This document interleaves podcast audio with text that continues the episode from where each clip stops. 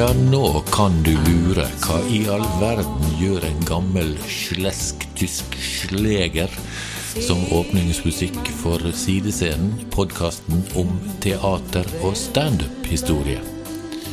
Vel, sist så snakket vi jo mye om fortellerteatret og folkekomedien på 90-tallet med Helge Jordal, og i dag skal jeg rett og slett fortsette med å snakke med han om hva skjedde utover på 2000-tallet.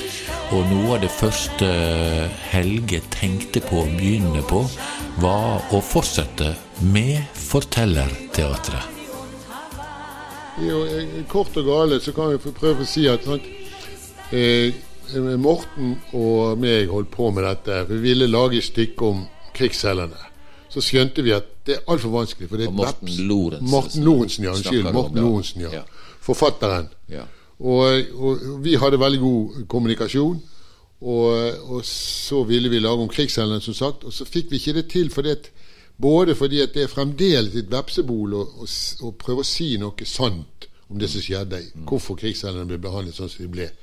Så vi skjønte at dette ble for vanskelig. Vi, så vi tenkte vi lager om det vi har peiling på, da, og det er etterkrigstiden. Jeg har jobbet på kaiene og var på vei til sjøs og har lastet og losset hele Bergen i, på sant, når, mm. siste storhetstiden for Bergen havn og siste storhetstiden for, for den gamle måten å seile med last på. Sant, med den gamle lastemåten. Nå er jo båter og alt annerledes, pluss datarevolusjon, så nå er jo den verden annerledes. Men da var det jobb til alle som ville ha på Bergen havn. Og jeg jobbet der, og, og, og, og Morten hadde vært Han hadde reist en del på Jeg husker ikke hva slags båt det var. Han hadde uh, reist en del på, på en båt og var jo blitt godt kjent og var en del av mannskapet. Og så mente han han skulle studere videre. Så gikk han i land. Og så var båten utsatt for en ulykke. Så noen av de folkene som var med, de døde. sant? Jeg tror det var sånn dette var. I hvert fall han Så han hadde en, han hadde en drive som var helt utrolig på det stoffet. Han hadde en slags dårlig samvittighet, for å kalle det det, da, antagelig. Så han skrev og skrev og skrev, og jeg prøvde å styre han eller å være med på å hjelpe til. Og så, så, så ble det jo da en, en svær historie. Og så skal jeg prøve å fortelle dette for, for det er litt interessant for andre. hvis det, Så hadde han en fantastisk historie som var veldig rørende og veldig bra. Og så skulle jeg så var jeg, skulle, skulle jeg overta. Så prøvde jeg å Så jeg jobbet og jobbet, jobbet igjennom tre-fire-fem ganger ordentlig. Så jeg hadde et opplegg med å ha eh, fem skuespillere, og også meg. ja, jeg skjønner. Så å lage sånn fortellerteater, Ja, ja. opplegg og sånn. Ja. Og så syntes vi ikke vi var helt fornøyd. Og så var vi på en tur Dette blir mye nå, men jeg forteller ferdig. Så reiste vi Vi holdt på å slite akkurat med dette, hva vi skulle gjøre med det. Så var det utenom sesongen for Hurtigruten. Så tok vi fly, det var tilbud på fly, og så skulle vi snakke med Sverre Kjelsberg i Tromsø. Å, ja. Så tok vi fly til Tromsø. Så snakket vi med Sverre. Jeg hadde noen greier vi skulle snakke med han om. Og så når vi var der ferdig med det, og vi var ute og spiste, og hadde det kjekt, så gikk vi om bord i Hurtigruten. Så jobbet vi oss nedover til Bergen. På den veien så plutselig så møter vi et ektepar ute på altanen eller ute der, så røykte vi røykte alle den gangen. Og så etter noen ganger og pratet og hyggelig, så så spør han hva dere holder på med nå? Jo, så fortalte vi det. Vi skrev et stykke Ja. om og så, og så sa han plutselig Kan ikke få lese det, da? Jo, det kan du vel. Så fikk han lese det vi holdt på med, og så ble han vekke lenge. Så plutselig så møtte vi han igjen etter vi var kommet langt ned, ned på, norske, på vestlandskysten. Så kom han tilbake og sa Du, er du klar over, sa han, det der er nesten min historie. sa han. Så fortal, så han, Det var nesten identisk historie med hva som hadde skjedd med han. Akterutseilt i, i, i Rio. En prostituert hadde reddet han fordi at han sant, Rio Ja, var jo helt vilt den gangen, f.eks. Og så da, da fikk vi en sånn overbevisning om at det er faen meg bra. Dette her er faen meg ordentlig. ja, det har en rot. Ja, det her er skikkelig så, Og da fortsatte jeg på det. Og så hadde jeg litt kontakt med Lasse. Så det var jeg i Oslo, hadde sett noe, gjort noe han hadde gjort. Og så snakket du, Kan ikke du lese det der vi holder på med? Så du Kan skal få du- penger. Lasse og- Kols- Lasse Kolsrud, ja. Kolsrud, ja. ja. Så sa jo selvfølgelig skulle han skulle ikke ha penger, han ville lese det. Så leste han det, og så, så snakket vi etterpå, så sa han så sa vi hva vi, problemet vårt var der med hvordan vi skulle sette det opp for å fortelle historien. Og så bong, så hadde han en kjempeidé. Og det var at han her Ja, det, det kan jo de som har sett eller så, så det, han, det er han som han, Vi har en fortellersituasjon. Han sitter på flyplassen og venter på sitt barnebarn, egentlig. sant? På grunn av historien så har han blitt far, eller barnefar til eh, bestefar. sant? Og på den veien så ble det naturlig å fortelle historien. Og dermed så ble det sånn fortellerteater. Men uten andre. Bare med deg. ja, men bare med meg. Og så, så gikk jo vi til Bjarte. Ja, hvem skal sette det opp? Hjelmeland. Bjarte Hjelmeland, som da var- blitt sjef. Ja. For det var han som på en måte var med. Han lå bak og ville gjøre dette, for han syntes historien var så fint, fin. Og så gikk vi til han, og så var det Jo, vi skulle Så var det, det var, Jeg tror det var tre instruktører inne i bildet. Og jeg satt to eller tre ganger på kontoret, så vi begynte bare å le til slutt. Fordi at han, Instruktøren kunne ikke komme, og det ble ikke noe. Det ble ikke noe, det ble ikke noe tre ganger i hvert fall. sant? Og så gikk jeg til Øyvind Askesen, som da de neste regjerende fant ut måtte sparkes med en gang. Han var jo den gangen den beste produsent i, på teateret. i- sant? Så han, han eh, sa 'Hvordan vil du ha det? Hvordan mener du det?' Så fortalte jeg alt jeg har erfart, og hvordan jeg mente. Så laget han et opplegg og fikk tak i alle de som vi hadde snakket om. Laget en spilleplan og, la, og, la, og prøve å spilleplan og la det frem for Bjarte og sa sånn kan vi gjøre det. Og så sa jeg at «Tu- tusen takk. For det var helt i siste liten for hans Ja, okay, periode, han og han ville ut, ja. ha opp dette. Ja. Så dermed så fikk vi organisert, og jeg overtatt, eller bød ikke overtale Lasse til å være med og regisserte. Ja, at han var regissere med instruktøren. Ja. Så gjennom det, og jeg må fortelle litt, for det var så mange morsomme sider ved det, så sa han ja, vi gjør det på lille scene da, liksom, sa Mm. Lasse. Så gikk vi ned på lista. Ikke gjør det her, så det er jo nett, Jeg kan Ikke rope. ikke, jeg kan ikke rope engang. så. Og så sa jeg hva jeg tenkte, så sa jeg ja, ok. Så gikk vi ned og så på lille scenen. Ned på småscenen, som det het. Ja, ja. Teaterkjelleren heter det nå. Så da holdt de akkurat på å rigge ned. Så denne traversen, som det heter i vårt språk, altså den, så, en sånn som de kunne stå på og arbeide, som kunne gå over hele taket, den var de, var de oppe og holdt på å rigge ned på. Så den flyttet de over rommet. Den kunne jo gå der, liksom. Ja. Så se, der er bro, vi, der, vi har jo dekken og alt. Ingenting annet. Sånn begynte det, liksom. Og da, da kom Karle Lange inn i bildet igjen, vet du, som okay. scenograf. sant? Ja. Og så gjorde vi den enkle dekken, som seinere ble bygget opp igjen som en egen sånn når vi var på Riksteatret. ja, når dere dro på turné. Så var det splitt og splitt og splitt og splitt. Ja. Ja, det, Skal vi ta oss en liten pause? ja, jeg tror det. Ja. Det ble jo en ganske lang pause for Helge da fra Den nasjonale scene. Fordi at denne eh, forestillingen hadde ikke premiere før i september 2011. Og nå uh, spiller man på taket, og Ungkarsfesten var avsluttet i eh, rundt 2000, var det en forunderlig liten interesse for å bruke Helge på nasjonale scener. Det har alltid stått for meg som et mysterium hvordan man kan ta seg råd til å ikke bruke Bergens mest profilerte og mest populære skuespiller ever. Den første som da rykket inn i sjefsstolen etter at Bentheim Baasen ga seg i 2001, var eh, Morten Borgersen, som da kom fra teatret vårt i Molde. Morten var jo han Vi hadde jo bra dialog, og, og eh, så hadde jo vi et svært prosjekt. Jeg hadde med eh, Per Jan, per Jan Ingebrigtsen på Stord. Han hadde en fantastisk historie. Per Jan Ingebrigtsen han, hadde jo, han har jo studert, lest masse eventyr fra India og okay. Tusen og en natt og sånn. Og det norske. Så han hadde funnet felles historier i alle disse, alle disse kulturene, for å si det sånn. Og så hadde han laget en historie som han leker med likheten og drar liksom av gårde og lager en historie som på en måte har okay. som, eh, For å vise at store, de store kulturene er det, ikke, det er masse fellespunkter. Så vi har mye mer felles enn at vi bør gå løs på hverandre, som det var mange som gjorde den gangen. Ja da, og som mange som gjør den dag i dag. Ja. Og der hvor vi skulle bruke dukker og film og kjempeflott opplegg, og jeg skulle ha regi på det, så vi hadde laget en skisse på alt sammen, og, og Morten Borgersen var med på det. Og så får han altså Hvor mye penger det var, det husker jeg ikke. Han fikk så og så mange millioner til å pusse opp ferdig salen. Ah, ja. Og alt det der bladgullet og alt det der som ikke var kommet på plass fra gammelt av. Mm. Så da sa han bare at nå må jeg slå til, for nå får jeg de pengene. Dermed så ble den utsatt.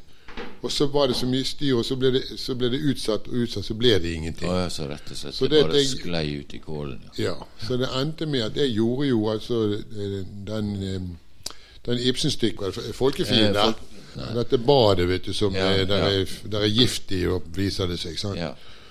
Og vi hadde en, det, var, det var han um, gymnastikklæreren, som vi kaller han, som hadde regien. Og han hadde sånn opplegg med røde neser og sånn, så det var ganske morsomt. Og gymnastikklæreren det er altså instruktøren og tidligere teatersjef ved Trøndelag Teater, Terje Mærli. Han står jo bak et tjuetalls Ibsen-forestillinger både i Sverige, Danmark, Tyskland, Japan, Norge osv. Så, videre. så han, Ibsen-spesialisten, var den de jobbet med. Så det ble en eh, interessant forestilling på, vis, på et vis. Da. Og, Ja. scenografisk var det veldig spennende, for å bruke vann, og, og det var egentlig livsfarlig der, da.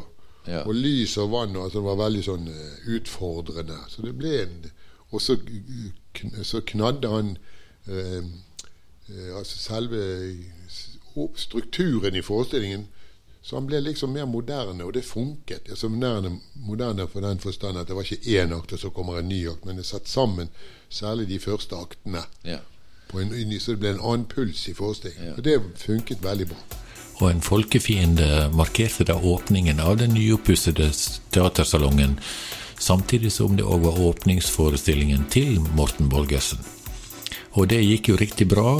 Avisene kunne melde om eh, at masse billetter var solgt på forhånd osv. Men allerede høsten 2002, altså et år etter, så møtte jo Morten Borgersen en storm eh, fordi at det var et helsvart år på DNS, kunne Bergens Tidende melde. Og hva skjedde så videre med Helge? Nei, etter den folkefienden så ble du ikke Og da var jo jeg på en måte Da hadde ikke jeg fast ansettelse lenger, så jeg ble jo hyret på stykkekontrakter. Sånn. Så var det jo Arvid eh, Ones, Ones, satt, ja. jo, sk- eh, satt jo opp et sånt eh, stykke på eh, Sogn og Fjordane Teater om Mm. et sirkus. en- Å ja, Så, så egentlig der. en sann historie om eh, sirkus, siste sirkus i, i, i Danmark. Den familien der det handlet om, på, på et vis. Veldig morsomt og veldig gøyalt stykke, da. Men Så du- det ble jeg med på. Men du var så, er, er såpass rotfesta i forhold til bruk av dialekt og alt det at du, du vurderte ikke å dra til Oslo og søker Mm. søke deg noe jobber der. Nei, jeg fikk faktisk et par tilbud fra Oslo.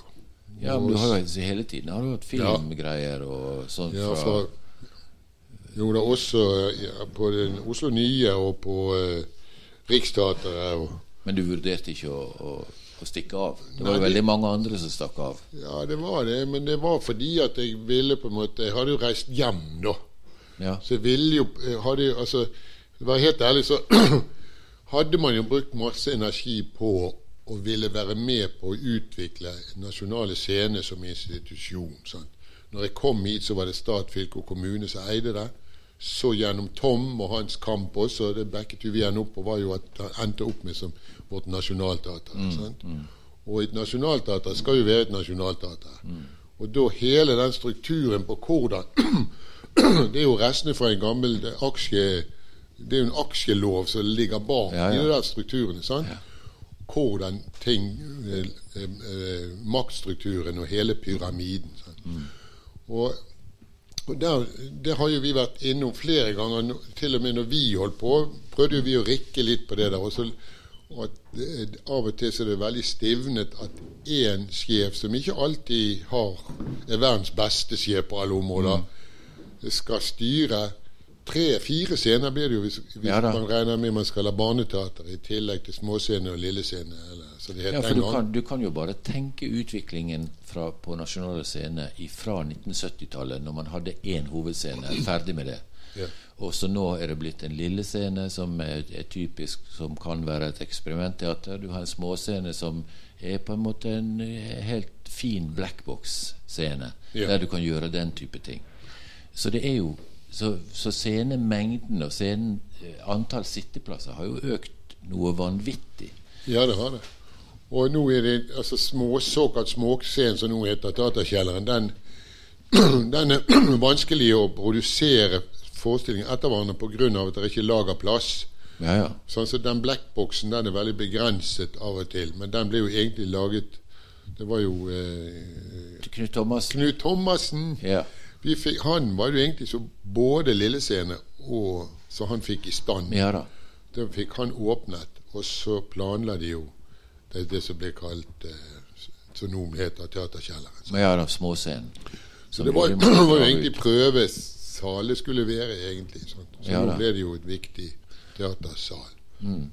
Så dermed så går ikke det an å produsere så mye etter hverandre. Sant? Du har jo et ensemble på et teater som er der, uansett hvilken sjef som er der.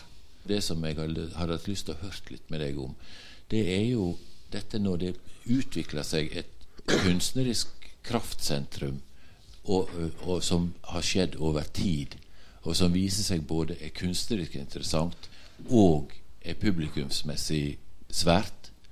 Så hvis det kommer en ny sjef, så kan det bare bli bom, klippet av. Men, men nå viser det seg at det er jo ikke alltid en sånn arbeidsatmosfære på institusjonsteatret. Men det, jo, det blir en sånn sirkel. Og det at sjefen er ikke alltid interessert i at det skal være noe sånt. og Dermed så undertrykker de sånne ting. Men hvis, hvis eh, sjefene hadde liksom hatt altså, Det var jo derfor man skulle ha i sin tid Jeg har jo vært med på å få dunket igjennom at vi hadde en kunstnerisk råd Ja. så man skulle kunne gi teatersjefen en utfordring, ensemblet. sant? Hvor- Hvordan det fungerer nå, det vet jeg ikke. Det virker som det er sandpåstrøingsorgan, som det heter så pent. ja, det eksisterer ikke i den grad det. Vi satt jo begge kunstnerisk råd, og da var det jo veldig innflytelsesrikt, kunstnerisk råd. Men det må, er jo selvsagt avhengig av at du har en teatersjef som gidder lytte, for han er jo diktator. Ja, og så må, du ha, må det være noen tanker og ideer i ensemblet. Du må jo sørge for at du har et ensemble som, som, som har kvaliteter, og som kan på en måte leve et liv utenom at du skal bare fungere sånn som teatersjefen vil i roller, og at det skal være sånn. Det være en, det er jo, et, det er jo en stor bedrift, og det er, det, er, er penger fra staten, så det bør jo være mer enn at én mann kvinne skal sitte på toppen og si at sånn er det. For dette er en pyramide. Så hvis ikke de nedover er dyktige eller har noe å melde, så det jo, blir det jo aldri bra. Men spørsmålet er om de får lov til å melde, Det er og sant. om de tør å melde. Ja, det er nok sverre sant at det virker ikke som det er så veldig mange som gjør det. Nei, for at det har jo vært en utvikling nå som jeg føler, uten at jeg har fulgt Du har jo fulgt Nas- Nasjonale Scene mye tettere enn meg, men min følelse er jo at det teateret har liksom visna litt hen. Eh, og at det ikke er noe diskusjon rundt teatret lenger. Tenker du på publikum, eller tenker Jeg tenker, nei, jeg tenker på dette, dette er jo fra alt fra presse til at skuespillere har ideer, starter prosjekter, Ja. eh, til at du har et ensemble som eh, og, og om ikke hele ensemblet, men at du har grupper i ensemblet som er interessert i ting, kommer med egne ideer og får lov å realisere de innenfor teatret òg. Ja da, du skjønner, du er jo veldig Du er jo ideell du nå når du sier Men det er jo dessverre ikke sånn, for det er veldig mange nå Sånn som teatret ble drevet nå, så er det jo veldig mange som kommer hit som får en jobb, og de eh, venter på å få en ny jobb i Oslo. Så de er egentlig på vei til Oslo, to tredjedeler av de som er der nede nå. Og så er det en del folk som har vært der siden de kom fra teaterskolen, og de akter ikke å være noe annet sted enn her. Så det, det preger jo også teatret. da, Hvis ikke du har en teatersjef som som på en måte gir røsker litt i folk, også sånn som det er blitt nå, så lenge ikke folk er interessert i å røske i noe som helst. sant? Ja. Så det er jo helt stille. For Jeg husker jo den konflikten som veldig mange skuespillere sto i, eh, og når jeg jobber der, med at de er redd for å si noe som kan bli tatt ille opp av teatersjefen, fordi at de, de vet at eh, det er teatersjefen som i siste instans sier er jeg høyt oppe på rollelista, eller går jeg med serveringsbrett. Ja, altså uten at jeg skal bli for personlig, så mener altså jeg, jeg, Dette vet jeg Dette vet jo jeg mye om. Ja. Så det er utrolig at, uh, at ikke det går an å ha en dialog, en kunstnerisk dialog, og bli gitt andre motiver annet enn å lage bra teater. For det er jo det man holder på med hele livet. Sitter de nå der og klager, disse gamlingene nå, på at de alt var så mye bedre for i tiden? Men for å klargjøre, det er ikke det vi sier. For det at eh, Helge har nok vært et hår i suppa for mang en teatersjef med at han har et brennende engasjement. Men når skulle et brennende engasjement dekvalifisere deg? Den føydale strukturen med en urørlig teatersjef på topp har vært slik i mange år. I tillegg har det vokst fram en uttalt forståelse om at styrearbeid ikke skal legge seg opp i kunstneriske valg. En underlig oppfatning, synes jeg. Forestillingen er jo sjølve ansiktet mot verden utenfor. Jeg vil sammenligne det med et styre i en fotballklubb. Den dagen de slutter å bry seg om fotball, og de er fullfinansiert av staten, vil jeg tro at det er slutt. Sterke og kunnskapsrike personligheter blant ansatte og i styret er viktige aktivum for å røske opp i stagnasjon og dårlig ledelse. Førstereis som kanskje det har jo vært en kjempesuksess. Ja. Men det er jo et prosjekt som kommer fra deg, som du har utvikla helt uavhengig av teatret. 90-tallet var jo en stor periode der du både hadde prosjekter utenfor teatret og innenfor teatret. Det har jo ikke unngått oss å si at du kom i en veldig klar konflikt med Agnete Haaland, som jo var satt der fra 2012 til 2020. Ja. Som jo er åtte, åtte lange år. Og det er en lang periode for et teater. Nei, men hun svek meg jo på en måte, og så tok jeg dette opp, men det gikk ikke an. Så da tok de fra meg.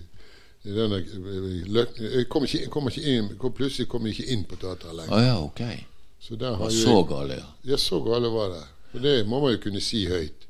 Og, Klart du kan og, si det høyt. Og, og, det er jo veldig trist, fordi at jeg trodde jo at de hadde bruk for meg innimellom, men det har de altså ikke. Ja.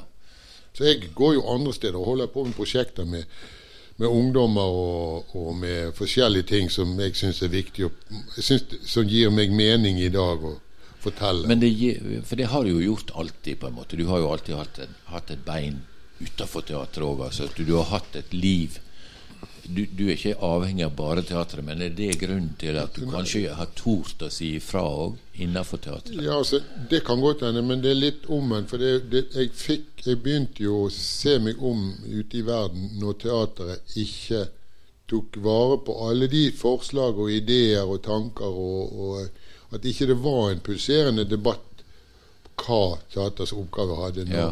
vi av og til blir ble avspist med at sånn det. Og vi fikk måtte arbeide med folk som vi hadde problemer med, og vi prøvde å diskutere hvordan vi skulle arbeide osv. Altså, hele arbeidsstil det, det, det, har jo to sider så lenge det er en pyramide. Sant? Det er jo, ja, Men når, når den, det er jo veldig avhengig av at sjefen er såpass åpen at det går an å diskutere ting og finne ut av ting. Sant? Og Det er jo fordi at det fins jo ikke et sikkerhetsnett i forhold til altså Hvis du tenker sånn som når metoo har vært, og man snakker om uh, kommandolinjer, og, så sitter jo vi uh, Så er jo teatret fremdeles helt føydalt. Ja, visst faen er det. Jeg har blitt opp, uh, opplevd metoo inne på av folk inne på teateret og tatt det opp med ledelse, men det, det er helt stille. Å for, forklare hvordan Eh, den situasjonen ble tatt hevn av, av, de som hadde makt over deg. Mm. Det var det som var veldig vanskelig, og som jeg skadet meg på, da, som ikke ledelsen ville ta opp. Og Kanskje er det flere sånne situasjoner. Jeg vet at det er flere som er blitt ydmyket og trakassert på teater av ledelsen som har vært der. Og det, det går jo ikke an på et nasjonalteater. Og Hvis du tar det opp, så Myndighetene våre de vil ikke vite om det, for det er litt for vanskelig og ekkelt. Så det, sånn er det dessverre. Så det er ingen varslingskanal der? Ingen som vet jeg om som varsler noe som helst. Nei, det går, går det an å varsle? Ja, det, hvordan, fun hvordan, fungerer fagforeningen i forhold til dette? Nei, for det arbeidssituasjonen ble sånn at fagforeningen de ville jo ikke arbeide eller samarbeide med ledelse lenger, for ledelsen arbeidet ikke ordentlig. Altså de de, oh, ja, så fagforeningene på DNS har rett og slett kutta dialogen med ledelsen? Ja, alle de tekniske, såkalte tekniske fagforeningene de ville ikke ha noe med ledelsen å gjøre, for ledelsen måtte kontakte fagforeningen sentralt. For okay. de behandlet de lokalt så dårlig at de kunne ikke samarbeide med lenger. Det var ikke til å bli klok på. Så det, var jo, det er jo rart at det går an. Og, og det som er enda rarere, er at våre myndigheter sier ingenting. Vår, vår presse sier ingenting, enda mindre. De, de sier jo faktisk feile ting. De, altså, der er ikke det, der er ingen offentlig kulturdebatt lenger. sant? Nei.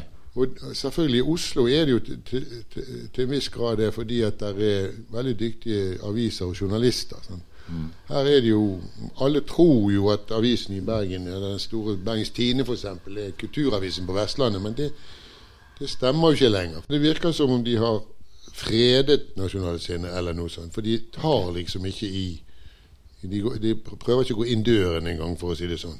Og det er noe med denne regjeringen som har sittet nå, da, at de, de har veldig dårlig forhold til kultur. Kulturministeren i Bergen, hun er jo 19 år, er det hun er? Så vi har jo parlamentarisme i Bergen. Hun er jo kjempeskjønn og virker veldig interessert, og sånn, men hun er, hun er 19 år, da. 19 år, I tillegg så er jo det blitt sånn at før så var det stat, fylke og kommune her. Ja. Og da sendte stat, fylke og kommune sine beste kulturpolitikere til styret. Ja. Nå lurer vi på hvor, hvor kommer disse her? Hvordan får en styreleder jobben sin? Jeg har prøvd å undersøke det, men det blir, for, forstår vi aldri.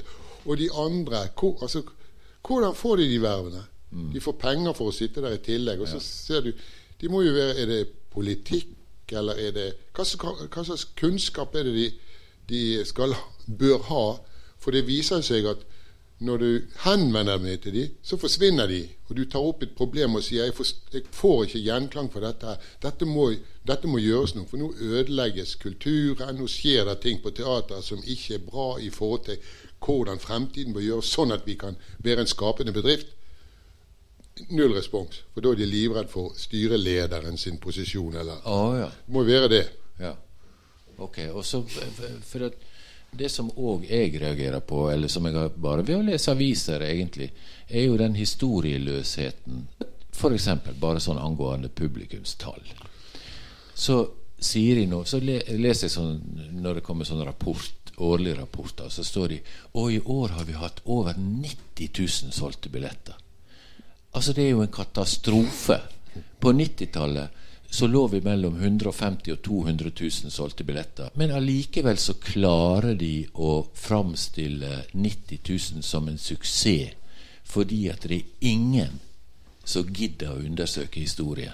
Nei, Det er dessverre sant. Og i tillegg så Teatret får jo pengene, våre penger, 125-30 millioner. sant? Mm. Så hvis ikke du spiller teater, så tjener du jo penger. Ja. Så de spiller jo mindre, minst mulig teater. Har du gjort nå og de har penger på bok. I tillegg så måtte de ut med 3,6 millioner til en rettssak som de satte i gang, så ikke en mann ble oppsagt uten grunn. Og han vant jo selvfølgelig rettssaken, fikk 3,6 millioner. Og, og, ledelsen gikk rundt og lot som de hadde vunnet en rettssak, og lot som ingenting. Og de pengene måtte selvfølgelig spille måtte jo Ja, det er jo skattepenger. Ja. De må jo ikke spille det inn igjen. Nei, men eh, de, når ikke du lager teater, så sparte du penger. Sånn. Ja. Så de er jo gjort opp, og de skryter jo nå over at de har overskudd osv. Og, så og det er jo flott, men det er jo ikke det som er oppgaven til Nationaltheatret. En av de viktigste tingene er at det er de folkene som er der nå. Selvfølgelig kan du hente folk inn som du trenger. Det er de som skal skape det. Det hjelper ikke hva du sier de skal gjøre, hvis ikke du forstår de, hva de kan skape sammen med, med, ideer og tanker, og få dette til til å bli det, det som teateret krever. Mm. Og Nasjonale Scene har i tillegg et veldig bra teknisk eh, fundament med teknikere, lys, lyd og, og, og scene, sminke, eh, garderobe. Hele det fundamentet er jo veldig bra og, har kultur i seg, mm. som, som har, vet hva som skal til, og kan by på det som, som, trengs for at de skal få det sånn som vi vil. Mm. Så da er det veldig rart at ikke det blir utviklet videre. Og med denne litt dystre oppsummeringa av de siste 20 år på nasjonale scener, avslutter vi eh, i denne omgangen praten med Helge, og håper at det kan anspore til en videre debatt som kan gjøre teatret til både livlig og interessant i årene framover. Så med denne oppfordringen sier vi dermed Helge Jordal og Knut Skodvin takk for oss.